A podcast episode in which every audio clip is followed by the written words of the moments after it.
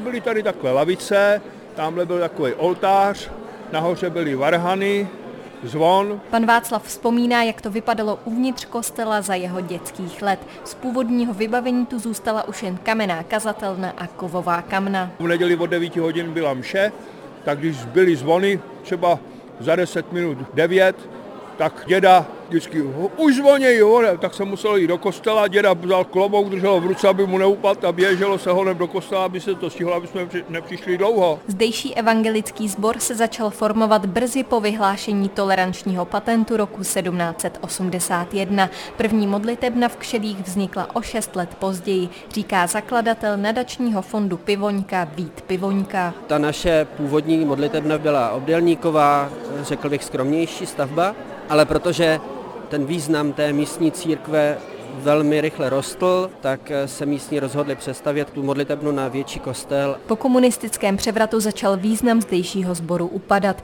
Jeho sídlo se na konci 60. let minulého století přesunulo do nedalekého Českého Brodu. Brzy na to nechala církev kostel odsvětit a prodat do soukromých rukou. Ze začátku, a to už vidíme na fotografiích z roku asi 80 až 83, sloužil kostel jako skladiště a následně byl zase prodán a změnil několikrát majitele až vlastně do dnešního stavu kdy tedy kostel patří čínskému podnikateli. Nadační fond kostel postupně odkupuje od současného majitele. Plně převzít by ho měl letos v září až celkovou částku 2 milionů korun doplatí.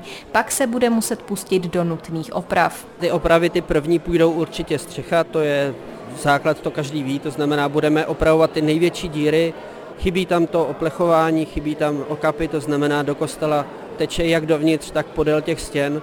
No a v těch dalších letech bude se veškerá činnost e, řídit podle nějakého projektu, který teprve tvoříme. Kolik peněz bude celkem nadační fond potřebovat, vyplyne až z projektu. Kostel by měl do budoucna fungovat jako multifunkční centrum pro pořádání kulturních akcí a různých setkání. Záměr podporuje i vedení obce, říká starosta Martin Polák z uskupení Spolu pro Kšely. Místo, kde by se pořádali větší kulturní akce, takovéhle rozsahu tady samozřejmě není.